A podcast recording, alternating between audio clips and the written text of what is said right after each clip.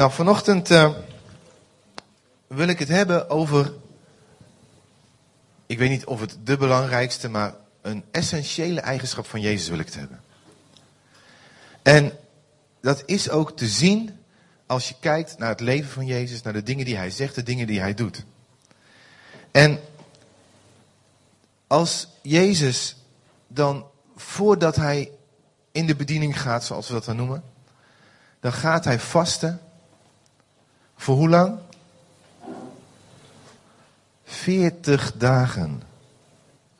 Nu kijken sommigen nou, van jullie naar mij en denken, nou dat zou Giovanni ook eens moeten doen, zou hem goed staan. Dat even. Maar we hebben het nu even over Jezus.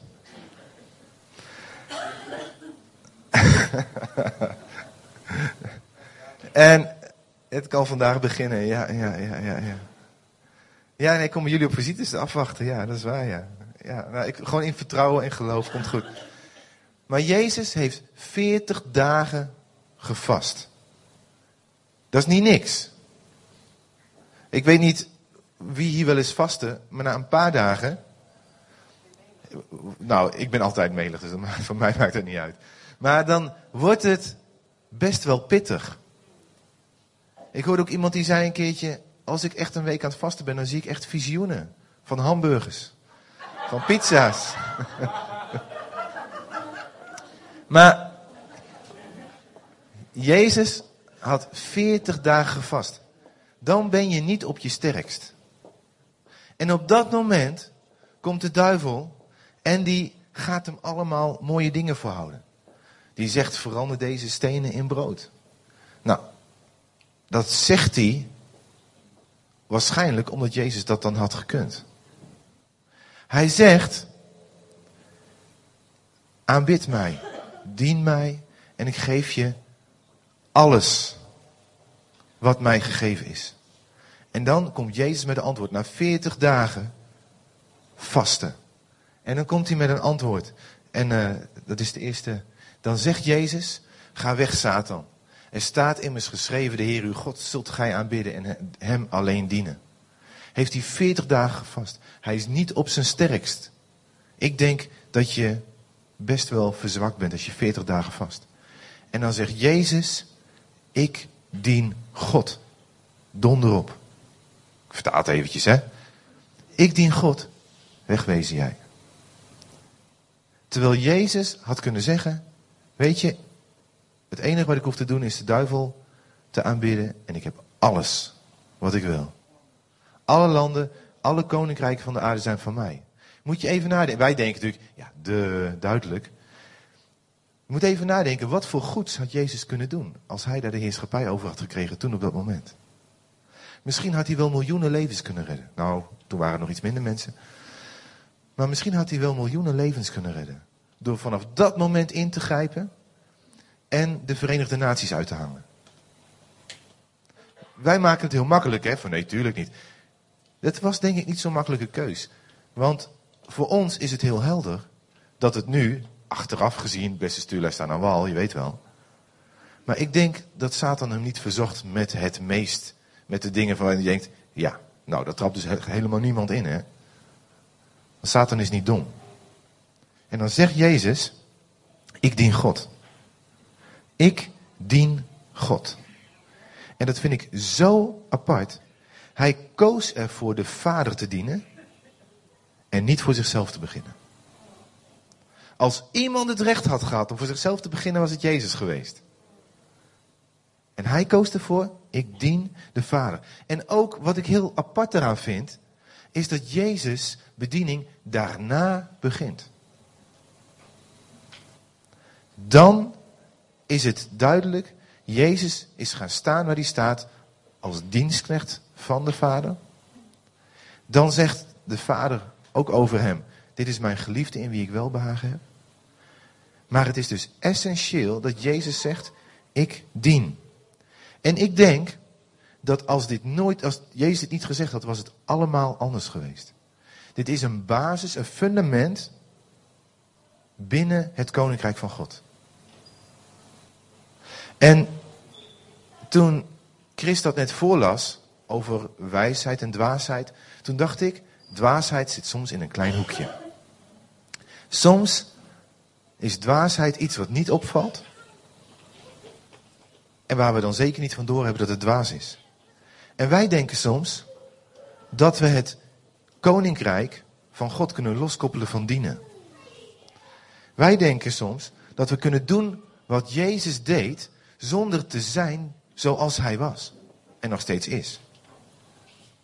Dat we dus kunnen getuigen en bidden en de dingen doen zonder dat wij in ons hart ervoor kiezen zoveel mogelijk te zijn als Hem. En laten we ook even eerlijk zijn, het is veel makkelijker te doen wat Hij deed dan te zijn hoe Hij was.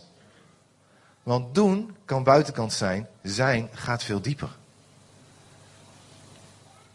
En als we dan gaan kijken dat Jezus zegt, als het erop aankomt, hè, ik aanbid en dien God. Ik dien God. Dan vind ik dat nogal wat. En wat ik daar. Kijk, ik, ik snap dat het even heftig is om te zeggen: ja, we moeten God dienen, we moeten God dienen, want je voelt hem al aankomen. Maar daar zit veel meer in. Want in Exodus, dat is volgens mij de volgende tekst, dat hoop ik tenminste. Nou ja, op mijn papier is het in ieder geval de volgende tekst.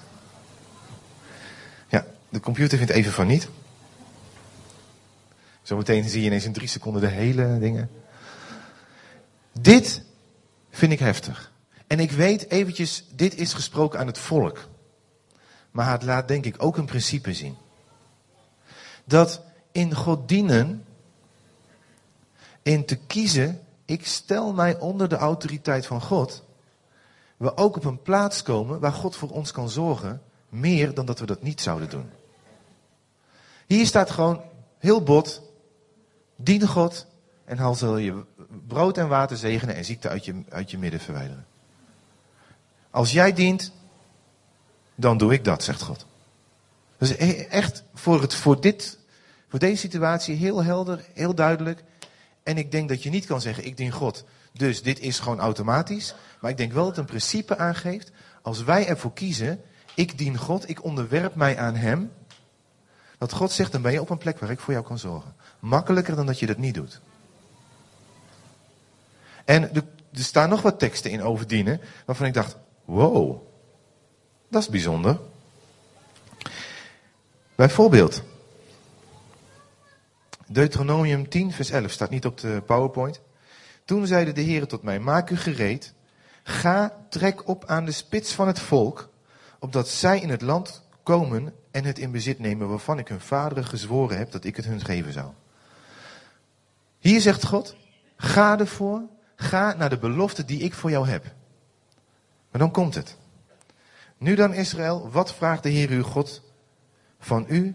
Dan de Heer uw God te vrezen, door in al zijn wegen te wandelen, hem lief te hebben. De Heer uw God te dienen met uw ganse hart en met uw ganse ziel. Weer zegt God, ga ervoor, dit heb ik beloofd. Jaag na wat ik je beloofd heb. En als je het wil bereiken, dien mij. Dat is apart. Dat is apart. God had ook kunnen zeggen, bouw mij een tempel. ik weet niet of jullie dat wel eens doen. Ik heb dat wel eens gedaan en soms komt het nog wel eens bij me op. Heer, als u dat doet, ga ik altijd naar de kerk. Of hebben jullie dat niet? Nee, heb nee, heb ik alleen. heer, als u dat doet, dan geef ik mijn tienden. Of zo, weet ik veel. ik roep maar wat. Of dan ga ik dat doen. Heb je het nooit geprobeerd te onderhandelen? Ah, dan ben ik de enige. Ik kom natuurlijk uit een andere provincie ook, dan krijg je dat. Ja. God zegt niet, ga met mij aan de onderhandelingstafel en dan zegen ik je. God zegt, dien mij en ik zal jou leiden naar wat ik voor jou heb. Dat is best wel apart. Want wij denken veel meer in de vormen dan in het hart. En we weten het wel, maar ik denk dat de gemiddelde christen zich rotter voelt over een tijd geen stille tijd, dan over misschien in zijn hart wat minder dienstbaarheid. Ik zeg maar even wat. He, vorm, doen of hart. Nou, als we dan naar Jezus kijken, hoe hij God diende, ging hij helemaal, hè? Ook dat was niet onderhandelen. Jezus heeft nog wel gezegd, kan deze beker aan mij voorbij gaan? Maar als toen God zei nee, was het verder ook geen issue meer. In Marcus staat, want de zoon des mensen is niet gekomen om zich te laten dienen, maar om te dienen en zijn leven te geven als een losprijs voor velen. Hoe ver kun je gaan in dienen? Nou, dit is wat Jezus deed. Zijn leven te geven als losprijs voor velen. Hij kwam, en weet je, weer hè, de zoon van God daalt af naar de aarde. En wij zijn aan het idee gewend. Maar moet je je eens voorstellen, hè? wij zitten hier op een planeetje dat als je een kaart van het universum maakt, zover wij dat snappen, je de aarde niet kan terugvinden. Hetzelfde als dat je een Italiaanse euro neemt waar ze Nederland op zijn vergeten te printen. Dat, uh, oh, dat hebben de meesten gemist, zie ik. Maar dat was in het begin een politieke rel, want Nederland waren ze vergeten. Waarschijnlijk staat er een korreltje zand in de drukpers, want ja, Nederland staat er niet op. Nou, als je een kaart van het universum maakt, de wereld is gewoon niet te vinden. De zon, hè, zie je nog net een lichtpuntje. Degene die dat hele universum bedacht en geschapen heeft, dat is dus vele niveaus hoger dan wij, zendt zijn zoon. En die kiest ervoor om ons, die op een planeet wonen die niet eens op de kaart staat van het universum, te dienen. Dat vind ik nogal wat. Wij gaan er makkelijk op in. We vinden dat vooral een heel schattig verhaal ook in, in veel dingen. Vooral als hij geboren wordt, babytjes. Babytjes zijn sowieso leuk, hè? mooie wangetjes. Nou, toch beseffen wij niet hoe ongelooflijke stap voor Jezus dat was om te gaan dienen. En hij heeft het gedaan. Alle recht had hij om te heersen. En hij koos om te dienen. Ik denk dat als je dat ziet, dat je er niet omheen kan, dat als wij Jezus willen volgen, dat wij moeten leren van hoe hij diende. Dat is geen keus. Het is niet mogelijk om, ik denk, om leven voor te brengen zoals Jezus wil dat wij doen, als wij niet ervoor kiezen om te zeggen ik wil dienen. En dat geldt voor jou en mij gewoon even hard. Het gold zelfs voor Jezus. Wie zijn wij dan om te denken, ah, ik maakte laatst een grapje, ik vond hem zelf wel erg leuk, um, dat we waren in Ecuador en toen zei iemand, kun je even helpen met die tassen? Want jullie moeten toch dienstbaar zijn? Ik zei, nee, dat stadium heb ik al gehad. en dat zei ik met opzet, want diegene die het tegen mij zei, die zei het op zo'n manier van, nou moet je wel hè. Dus het was een beetje geintje heen en weer. Maar soms denken wij, in het echt, nee, maar dat stadium heb ik gehad. Dat is voor uh, mensen die net komen kijken, weet je wel. Laat hun dat maar doen. Net zo eigenlijk als je stagiaires de rotklusjes laat opklappen, opknappen, weet je wel. Dat gevoel. Dat kunnen denk ik wat beter... Uh, hè? Ik weet niet, hebben we stagiaires nu niet? Nee, we hebben nu geen stagiaires. Nee. Dan kunnen we dat rustig zeggen. Wij kregen bij Youth Live een keer een stagiaire. en uh, die hebben we het hele adressenbestand laten opschonen van honderden adressen. Die jongen deed een HBO-theologische opleiding. En is dat bij ons niks anders dan mensen te bellen. Ja, bestaan jullie nog? Oké, dankjewel. Ja, dus echt. Uh... nou ja, kijk. Het heeft ons wel ongelooflijk geholpen, want wij hadden gewoon echt de tijd er niet voor. Maar dat is ook hoe we soms denken van, nou weet je, de, de rotklusjes, dat niveau heb ik gehad. Nou, waar bestaat dat dienen dan uit? Ik denk dat gelaten 5, eh, vers 13 daar heel duidelijk over is. Want gij zijt geroepen, broeders, om vrij te zijn. Ik vind het sowieso een bijzondere tekst hoor. Gebruik echter die vrijheid niet als een aanleiding voor het vlees, maar dient elkander door de liefde. Dient elkander door de liefde. Het mooie vind ik dat het daar staat in één zin met vrijheid. Want wij Nederlanders, wij denken dat je als je onafhankelijk bent, ben je vrij. Denk daar eens over na. Als je dus onafhankelijk bent, als je geen rekenschap hoeft af te leggen en niemand jou iets kan zeggen, dan ben je vrij. Dat is hoe wij Nederlanders denken. Dat is bijna typisch Nederlands. En dan staat hier, want gij zijt geroepen, broeders, om vrij te zijn. Gebruik het niet als aanleiding voor het vlees, maar dient elkaar door de liefde. Dus dienstbaarheid staat niet tegenover vrijheid. Laat dit eens even tot je doordringen. Dienstbaarheid staat niet tegenover vrijheid. Vrijheid en dienstbaarheid passen bij God in één ding. Sterker nog, misschien hebben wij wel dienstbaarheid nodig als wij vrij willen zijn. Oh.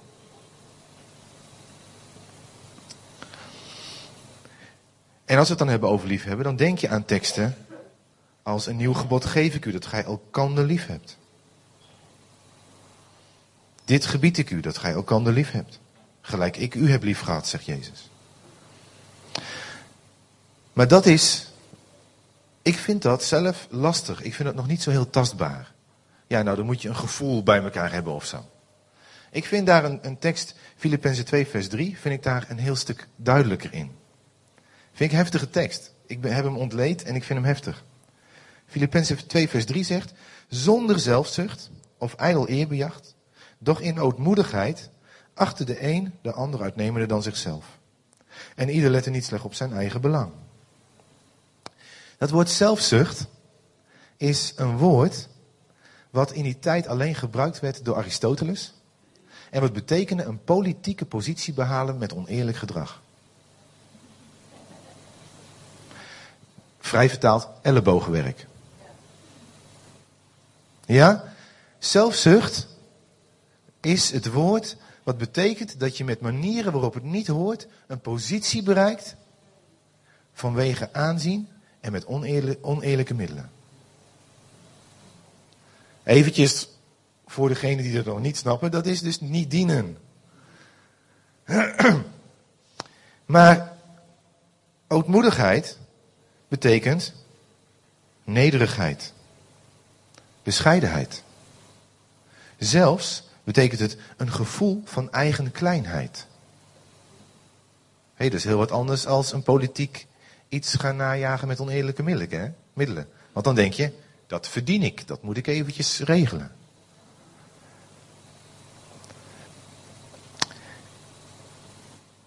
Dus het, uh, er staat hier trouwens nog bij, bij zelfzucht, kruiperij om ereposten.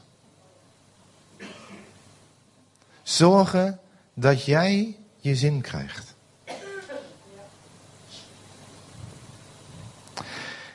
In het, uh, er staat ook het zoeken van aanzien, een verlangen op de voorgrond te dringen, een twistzieke geest die, die niet te min acht gemeenheid te gebruiken. Het staat allemaal bij dat zelfzucht. Want dat is het probleem. Het Bijbel is niet in het Nederlands geschreven.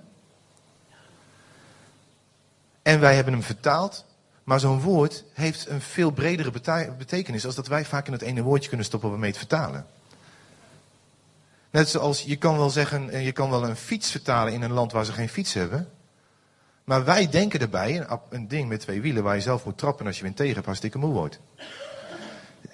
Dus het woord fiets heeft bij ons een veel breder concept dan dat je in een woord kan stoppen van iemand die het niet snapt. Nou, dat is ook met de Bijbel soms gebeurd. Dat er een woord werd vertaald met iets wat wij wel ongeveer snapten, maar niet de lading dekte. Het woord zelfzucht is echt geen mooi woord, wat er in het Grieks staat. Ik heb trouwens uh, hier ook staat hoe het uitgesproken wordt in het Grieks, maar dat ga ik jullie niet aandoen.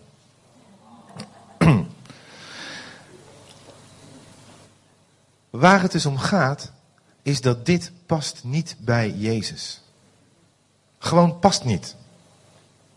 Er is geen lijn sterk genoeg om zelfzucht op Jezus te plakken. Het valt eraf en het past er niet bij. En toch hebben we er allemaal wel eens last van. Ik ben even benieuwd wat de volgende dia is, want ik heb zelf de volgorde niet opgeschreven. Met de backtoets. Dus soms kun je. Page down, hoor ik. Nou, soms doen wij namelijk dingen. Gewoon, en laten we gewoon eerlijk zijn. Dit is geen beschuldiging, dit is gewoon, laten we gewoon even eerlijk zijn. Soms doen we dingen omdat het zo mooi staat. Um, ik had een hele leuke dia over iemand die bidt. Het is een, het soort cartoon. En ik vind hem zelf heel leuk. Ik heb wel eens vaker in de dienst gebruikt van dat soort cartoons. Niemand moest lachen behalve ik. Ja, sorry. Um, uh, en als je hem wel grappig vindt, het webadres staat erbij waar je ze kan vinden. Uh, maar je moet hem zien. Ik kan hem wel gaan omschrijven, maar dan is hij gewoon niet leuk. Hij wordt opgezocht zelfs. Maar soms doen wij dingen om iets, om, om bijvoorbeeld waardering terug te krijgen. Soms doen wij dingen om een wit voetje te halen. Ook in de gemeente. En dat is niet de manier waarop ik denk dat Jezus wil dat wij doen. Stel dat ik nu hier u de mededeling doe dat ik zeg, weet u gemeente, ik zal u laten zien hoe dienstbaar ik ben. Ik ga na de dienst, ga ik de toiletten schoonmaken. Vindt u dat niet heel geestelijk en dienstbaar van mij? Ja, en ook diegenen die hebben misgeplast. Echt waar, ik vergeef jullie.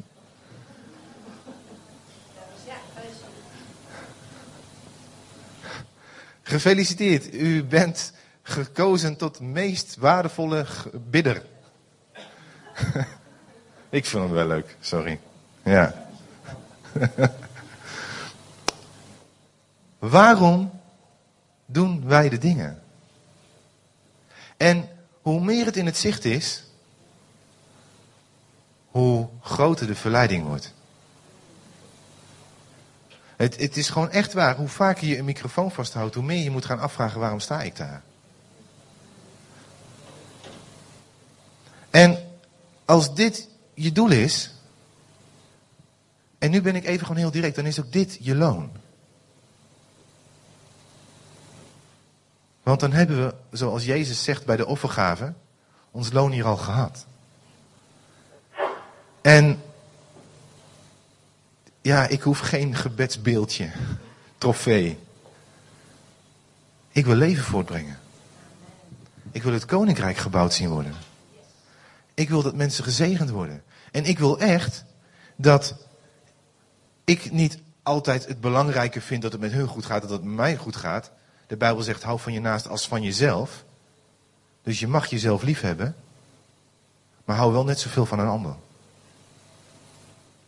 Ik wil het beste met anderen voor hebben. Soms is dat een keus geweest die ik heb moeten maken tegen voelen in. Want dat is ook een probleem wat wij hebben. Wij denken, ja, nu moet ik dat uit liefde doen, maar ik voel geen liefde. En dan gaan we ons of schuldig voelen of we kappen ermee. Maar je kan er ook voor kiezen. Je kan ook zeggen, nou weet je, ik weet gewoon dat het nodig is. Ik doe het gewoon. En als jij gaat zegenen, dan volgt je gevoel wel. Dus ga daar ook niet um, moeilijk over doen van, hé, hey, ik voel niks, nu ben ik niet goed genoeg. Liefde is vaker een keus dan een gevoel. Nou, als we dan kijken naar het dienen van de gemeente in het Nieuwe Testament, wil ik graag even een plaatje van die kerk. Kun je daarbij? Dat is de volgende. Ah, goed van mij, hè? Ja. Maar dat wil hij weer niet. Nou, u weet dat ik een aantal weken geleden naar Ecuador ben geweest. En dat de week voordat ik ging, zelfs de dag dat ik ging, dat er een collecte is opgehaald voor een gemeente in Ecuador. Die wij niet kenden. Niemand hier, inclusief ik, had nog ooit van die kerk gehoord. En uh, als de computer het zo weer mee eens is, dan gaan we het gebouw zien van die kerk. en dat was dus midden in een sloppenwijk. En wat ik daar heel bijzonder vond. En eigenlijk was dat een plaatje wat ik kort wou laten zien, maar dat gaat nu. Uh,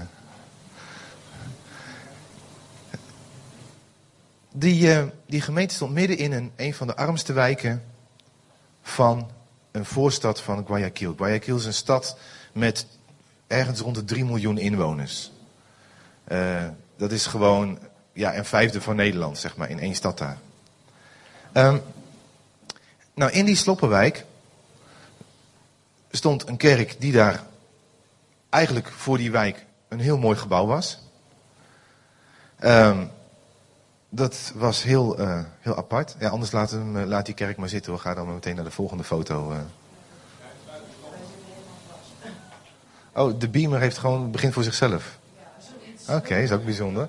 Ik vind het geen dienstbare beamer. Ik vind het... die, begint, die houdt gewoon het plaatje vast. Ja. Goed.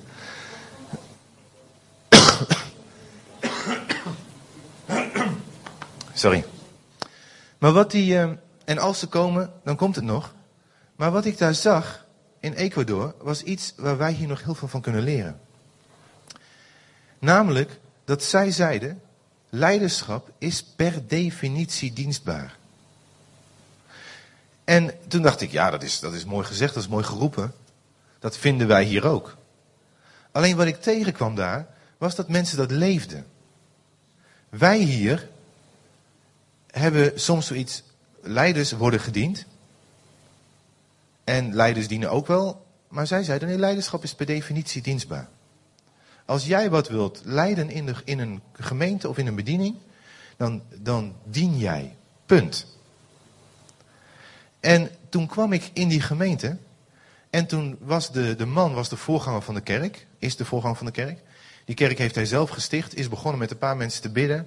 En heeft er nu een, een kerk waar 400 mensen uh, komen in de sloppenwijken. En zijn vrouw is de leiding over het Compassion programma wat daar loopt. Waar honderden kinderen opgevangen worden, een paar keer per week een goede maaltijd krijgen en leren om voor zichzelf te gaan zorgen later. Indrukwekkend, indrukwekkend verhaal. Gewoon ter plekke één kerk die dat doet. Die kerk heeft ervoor gekozen om het kinderprogramma een mooier gebouw te geven dan de kerk zelf. Vind ik al wat, vind ik nogal wat. We waren helemaal verbaasd. We stonden in die kerk, we hadden dus iets. Oké, dit is het. En we kwamen in het Compassion gebouw en dat was nog steeds sloppenwijkachtig. Maar het was stukken beter dan die kerk. En die vrouw, die... Uh, kijk, ja, zo kan het ook. Nou, dat is dus die kerk. En, uh, nou ja, je ziet het. Hij is niet, hè, gaat niet de mooiste kerk van de wereld worden. Maar, die mensen, hij is de voorganger, ze heeft zelf de kerk gesticht. En zij heeft, is de, degene die het Compassion uh, programma runt. Zij is trouwens ook een advocate. En zij heeft haar leven eigenlijk in, in figuurlijke zin afgelegd. En ik zal je zeggen waarom. Die wijk is behoorlijk crimineel. Maar wat misschien nog wel erger is, is dat incest daar gewoon is. Niet gewoon dat iedereen het goed vindt, maar het gebeurt soms dat de vrouw zegt: ga maar, want ik heb geen zin. Zo erg, zo diep zit dat. Dat is, dat is, dat is niet meer erg, dat is duivels. Ik heb er geen ander woord voor. Die mevrouw die daar staat, die is dus advocaat en die heeft gezegd: niet waar ik er wat aan kan doen. Dus die is die kerels gaan vervolgen. Die heeft ze aangeklaagd en die heeft er een aantal in de bak gekregen. Met gevaar voor eigen leven. Want die mannen zitten 14 jaar vast en die hebben gezegd: als ik eruit kom, pak ik jou. Zij heeft gezegd: het onrecht wat die kinderen aangedaan wordt, vind ik belangrijker dan mijn leven. Zij is advocaat, dus ze zou iemand van aanzien kunnen zijn. Zij heeft gezegd: Ik vind hun leven belangrijker. En ze, ze is nog niet vermoord en zij zegt: Ik vertrouw gewoon op God. Maar hiermee, sorry, ik kan niet anders zeggen, dit is dienstbaarheid. Dit is dienstbaarheid. Dan is het, vind ik, dubbel mooi te weten dat wij die mensen hebben gezegend met een gift. En dat ze hebben gezegd, oh we waren aan het bidden voor een projector, dan kunnen de mensen tenminste meezingen. En, maar ja, ik ga ze geen PowerPoint aanraden, nee. Uh, en dat wij die mensen hebben gezegend, zodat ze daar gewoon lofprijs kunnen hebben. Maar mensen die zo hun leven hebben neergelegd om te dienen. Is dat God dat van ons vraagt? Nee, dat vraagt hij van hun. Gods plan met jouw leven is anders dan Gods plan met hun leven. En vergelijk Gods plan met hun, van hun leven ook niet met jouw leven. Want dan ontken je Gods plan voor jouw leven. Want dat is voor hun, niet voor jou. Het is ongelooflijk. Nee, ik, elke keer als ik eraan denk, ben ik nog, pff, wow. Dan denk ik, wat, wat heb ik het makkelijk? Ja, laten we eerlijk zijn. We zitten hier gewoon lekker. En het lastigste wat je hebt is een preek van Giovanni doorstaan. Nou, daar komen jullie ook wel doorheen. Maar dan zie je dat de gemeente daar, die wordt niet gediend alsof het een instituut is. Maar hij wordt gediend omdat het een gemeenschap is. En voel je dat verschil? Wij zijn hier niet bezig om een organisatie te bouwen en te dienen. We zijn bezig om hier een gemeenschap, om een gezin te ondersteunen en te dienen. Wat is daar nou zo belangrijk aan dat verschil? Nou, met de ene ben je bezig met het doel iets moois neer te zetten wat indrukwekkend is. Bij het andere ben je bezig om te zorgen dat mensen God vinden. En ik wil graag leven voortbrengen. Ik wil graag dat mensen zien wie God is. En daar moet ik nog veel voor leren. Maar ik wil wel kiezen om er voor de ander te zijn. Handelingen 2 vers 44 laat duidelijk zien dat alle die tot geloof gekomen en bijeenvergaderd waren, alles gemeenschappelijk hebbend, de gemeente aangaat, niet de organisatie. Het gaat gemeenschap aan. Betekent niet dat ze zoiets hadden, oh ik heb een auto en dan geef ik hem weg en nou heb ik er geen. Iemand die gewoon een groot huis had en dacht, verrek, hij heeft geen huis, verkocht zijn huis, kocht twee kleinere huizen en ineens konden er twee wonen. Als iemand, en dat is dat, hè, als je twee mantels hebt en de ander heeft er geen, geef je er eentje weg. Dat is hoe ze het gemeenschappelijk hadden. Het was niet één grote community waar iedereen maar uithaalde wat hij nodig had en op het laatst had niemand meer wat. Nee, ze deelden hun overvloed. Ze zorgden voor elkaar. En wat er ook zo was, dat vond ik wel heel grappig. Daar kwam, uh, Carla die vertelde dat een keertje. Dat de, oude, de, de kerkvaders soms ook klaagden dat zij als mannen zo slecht God konden dienen. Want die vrouwen deden alle dienstbaarheid. Dat is grappig. Is dat niet heel anders dan hoe wij denken? Wij denken bobo's. Zij dachten invloed. Dienstbaarheid. Die mannen, dus die bobo's, klaagden dat zij het zo lastig vonden om God te dienen. Want dat deden die vrouwen die de armen hielpen. Het is helemaal andersom als wij denken, hè? Maar dit is de tijd van handelingen. En vlak daarna. Misschien hadden zij het wel beter goed dan wij.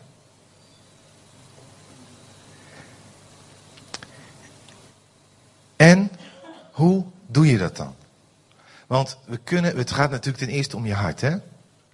Dat jij zegt, Heer, ik wil u dienen, omdat ik u wil dienen en niet omdat ik er mooi op wil staan. Ik wil u dienen gewoon omdat ik wil zijn zoals u bent.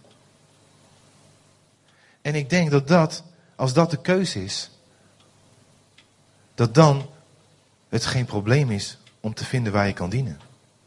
En weet je, je kan dienen bijvoorbeeld bij een zondagschool of een jongerenwerk of een zangdienst of achter een instrument of nou ja, van alles. Bidden, van alles kun je God dienen.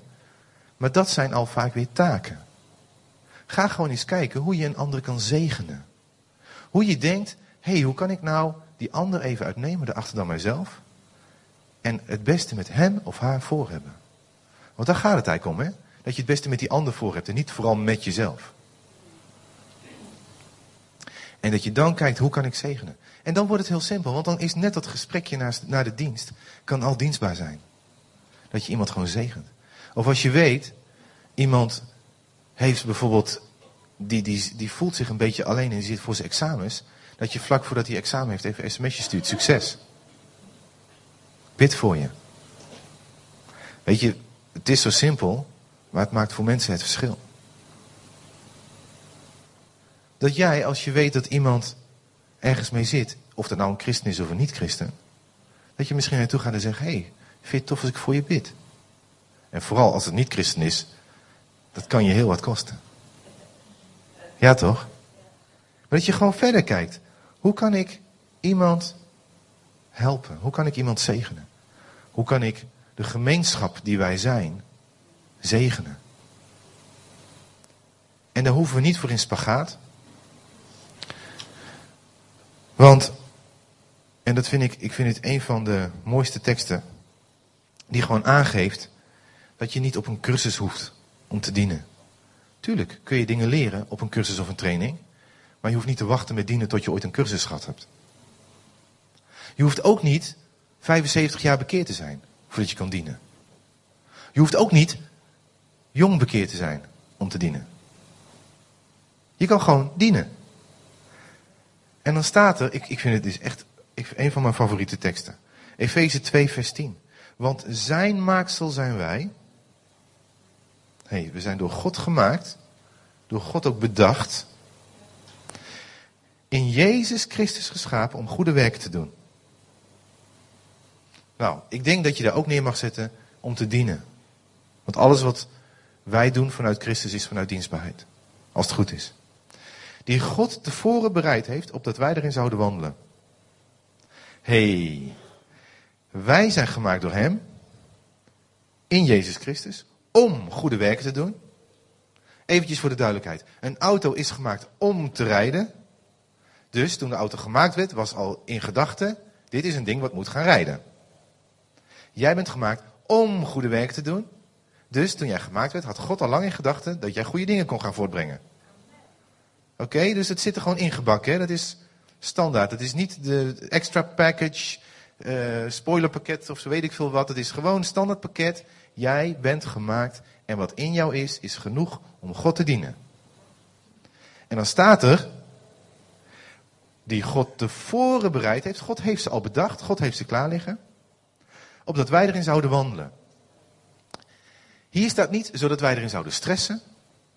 Zodat wij erin zouden rennen. Ploegen, zweten. Hier staat wandelen. Gewoon gaan.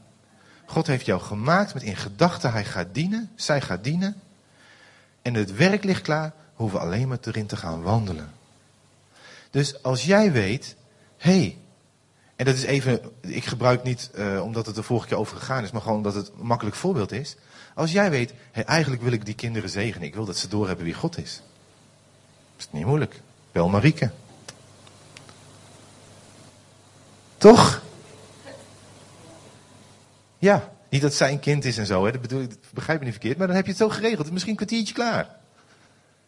En jij kan elke week je helemaal, helemaal losgaan voor die kinderen om te laten zien wie God is. Het is zo simpel, want God heeft jou gemaakt om te dienen, om goede werk te doen. Hij heeft ze klaar liggen en jij hoeft alleen maar te wandelen. Wat is, hoe begin je met wandelen? Nou, ik begin met wandelen meestal, ik weet niet hoe dat met u gaat, dat ik ervoor kies om een stap te zetten. Snappen we?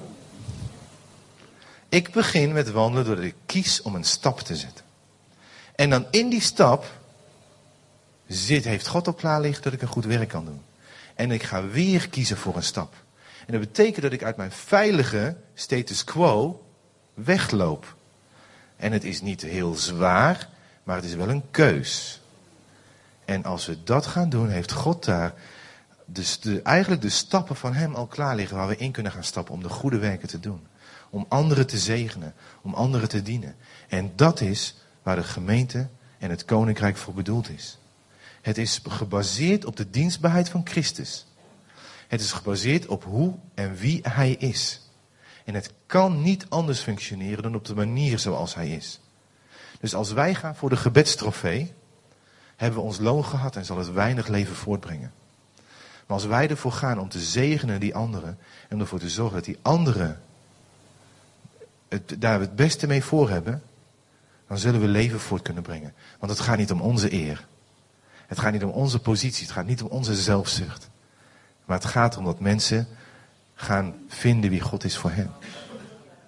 Hebben we daarbij nodig dat we ook wat structuur soms hebben? Ja, want na het verhaal van vorige week wil bijna iedereen kinderwerk doen. Maar we hebben ook meer mensen dan alleen kinderen. Dus is het soms goed om dat even te overleggen. Maar het belangrijkste is dat je een hart van dienstbaarheid hebt. En daar wil ik één ding nog over zeggen. Sommige mensen, en daar moest ik gewoon aan denken toen ik zat te bidden voordat ik hier naar voren kwam, gebruiken hun zelfonderzoek als smoes om niks te hoeven doen. Die gaan lopen navelstaren. Ben ik wel 100% dienstbaar genoeg? Misschien niet. Laat ik nog even wachten. Misschien weet ik over een maand of ik dienstbaar genoeg ben. Na een maand, het zou nog kunnen dat het niet helemaal 100% is. Gewoon even, even eerlijk. Hier ben ik heel relaxed in. Als ik denk, hey, ik dien God, dan ga ik ervoor. Maar ik blijf open naar God. En als ik erachter kom dat God tegen mij zegt, of iemand anders gebruikt wordt door God om tegen mij te zeggen, volgens mij doe je dit voor jezelf, ga ik gewoon eerlijk naar God en zeg ik, het spijt me, Heer, ik wil dit anders doen. Ga niet zitten navelstaren, maar neem gewoon het besluit, ik wil het goed doen. En Heer, als het niet helemaal goed is, spreek me er maar op aan. Maar ik ga met die banaan. Want ik wil dienen. Ik wil niet voor mijn eer, maar voor uw eer. En als we dat doen, wow, dan gaat Jezus gezien worden. Dan gaat Jezus gezien worden. Want in die eenheid en in die dienstbaarheid kan het niet anders dan dat Jezus herkend gaat worden. Toch? En als wij die liefde voor elkaar hebben, soms gewoon uit een keus, dan kan het niet anders dan dat mensen Jezus gaan zien in jou. En dat is toch wat we gewoon willen.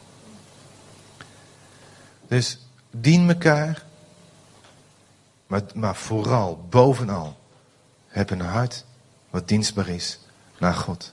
Wat niet zegt, ik ben onafhankelijk en ik heb aan niemand verantwoording af te leggen dan alleen aan God. Dat is dan de smoes, hè? Maar ik ben deel van een groter geheel. En ik dien dat geheel. En dat is Gods koninkrijk. En zullen we bidden? Heer, ik wil u bedanken dat wij deel van uw koninkrijk mogen zijn. Want dat is een ongelofelijk voorrecht. Heer, maar ook wil ik u danken dat u ervoor gekozen hebt om te dienen. Wij hadden gewoon niet bij u kunnen komen op deze manier. Als u had gekozen, ja, dien mij maar. En u had het recht. Heer, en ik bid dat u ons helpt, inclusief mijzelf, om dat hart van u te herkennen. En dat het verlangen in ons zal zijn om dat hart ook een deel van ons hart te laten zijn. Dat we dienen willen. En ik uh, had het niet willen doen, maar ik heb gewoon even uh, het idee dat het toch goed is om even stil te zijn voor God. En daar waar je weet, hé, hey, ik heb gewoon gedaan zodat ik er mooi op stond. Ik heb misschien wel gewoon daar mooier staan zingen dan dat ik eigenlijk had, had hoeven doen om mooi erop te staan. Of wat anders. Maakt niet uit. Dat je het gewoon even aan God geeft. Zeg, Heer, ik had u willen dienen, maar het is gewoon een beetje, beetje scheef gegaan. Geef maar aan God. Wees maar gewoon eerlijk. Wees maar gewoon eerlijk.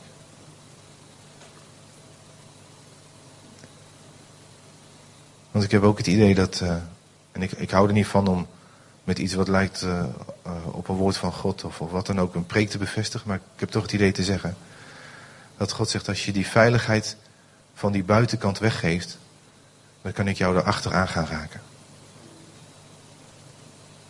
De zekerheid die je hebt met, met wat je soms aan de buitenkant doet. Ik wil juist daarachter wil ik jou aanraken. Laat hem maar los. Geef maar aan mij. Heer, en wilt u dan ook nu aanraken, Heer? Wilt u aanraken als we onzeker zijn? Of misschien wel pijn hebben en daardoor dingen doen?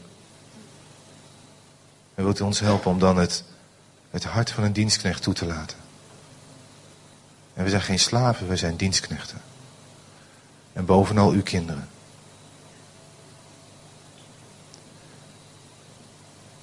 En als je gewoon de keuze wil maken, gewoon sowieso omdat je dat vindt, of gewoon opnieuw, of misschien wel na een hele lange tijd, maak die keuze maar voor God. Zeg maar gewoon tegen God: Heer, u wil ik dienen.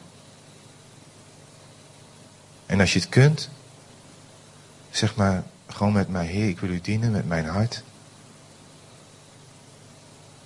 mijn kracht en alles wat in mij is. En dan geloof ik dat God zegt, dan ga ik jou meenemen om je dat te leren. En zo wil ik jullie zegenen en ik zegen ook het proces wat de Heilige Geest aan het doen is in jullie. Op dit moment de genezing die Hij geeft, de keuzes die Hij bekrachtigt en het hart van God wat toegelaten wordt. Ik zegen het. In Jezus' machtige naam.